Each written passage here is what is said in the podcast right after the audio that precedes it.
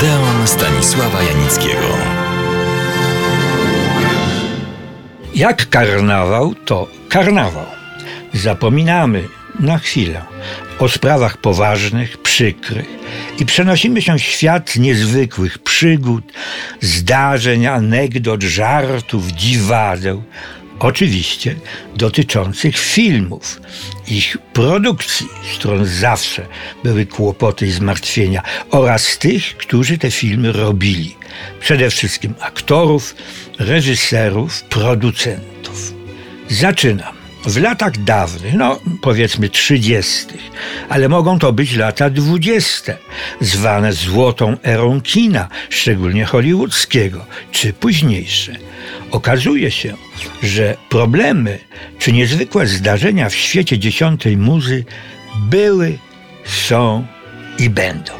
Problemem podstawowym było zdobycie pieniędzy na realizację kolejnego, oczywiście niezwykłego i rokującego nadzieję, a może nawet pewność sukcesu, przede wszystkim kasowego. Rozmowy na temat pieniędzy były na ogół trudne. Pewnego razu grupa filmowców zwróciła się do bogatego dżentelmena z prośbą o finansowe wsparcie ich dzieła, którego sukces zapowiadał się oczywiście nadzwyczajnie. Bogaty, ale przezorny dżentelmen, znający życie filmowe, odparł im: Moi kochani, proście mnie o wszystko, tylko nie o pieniądze. To moja jedyna pamiątka po nieboszczyku ojcu. Problemem była nie tylko produkcja filmów, ale także dystrybucja i rozpowszechnianie. Oto krótka, ale wymowna rozmowa telefoniczna dwóch kiniarzy. Halo, co pan wypuszcza na święta? Ja? Dzieci na spacer. Widzowie zaś apelowali ustawicznie, choć bez widocznego rezultatu. Cytuję. Halo, szanowni właściciele kin. Nie odpędzajcie publiczności.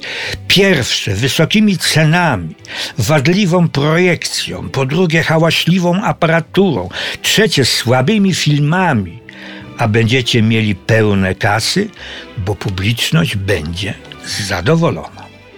Filmy niezależnie od takich czy innych kłopotów kręcono jednak i wyświetlano. Józef Lejtes, bodaj najlepszy i najambitniejszy polski przedwojenny reżyser, przypomnę, Młody Las, Barbara Radziwiłłówna, Dziewczęta z Nowolipek, Granica. Otóż Lejtes bardzo nie lubił, gdy mu kibicowano przy zdjęciach, zwłaszcza dźwiękowych.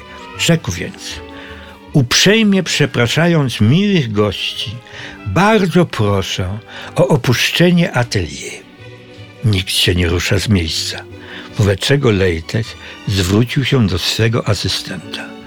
Teraz, gdy mili goście wyszli, wyrzuć tych intruzów na zbity łeb.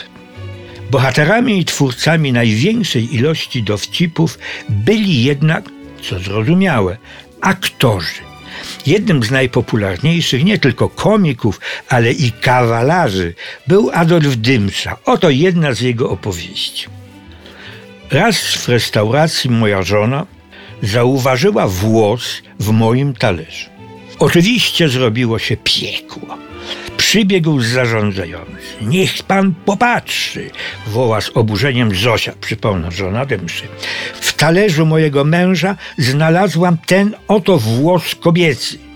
Zarządzający uśmiechnął się i odparł tonem łagodnego wyrzutu.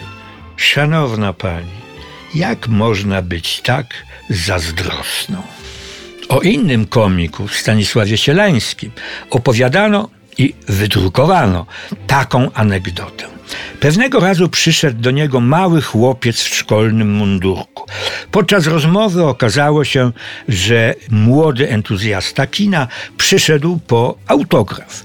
Sielański z radością ofiarował chłopcu fotografię z własnoręcznym podpisem. O, to będzie za mało, powiedział malec. Sielański dał mu jeszcze jedną. Do kompletu Do kompletu potrzeba mi jeszcze jednego autografu, powiedział chłopiec. No dobrze, mój chłopcze, jeszcze jeden, ale powiedz mi, po co ci tyle fotografii?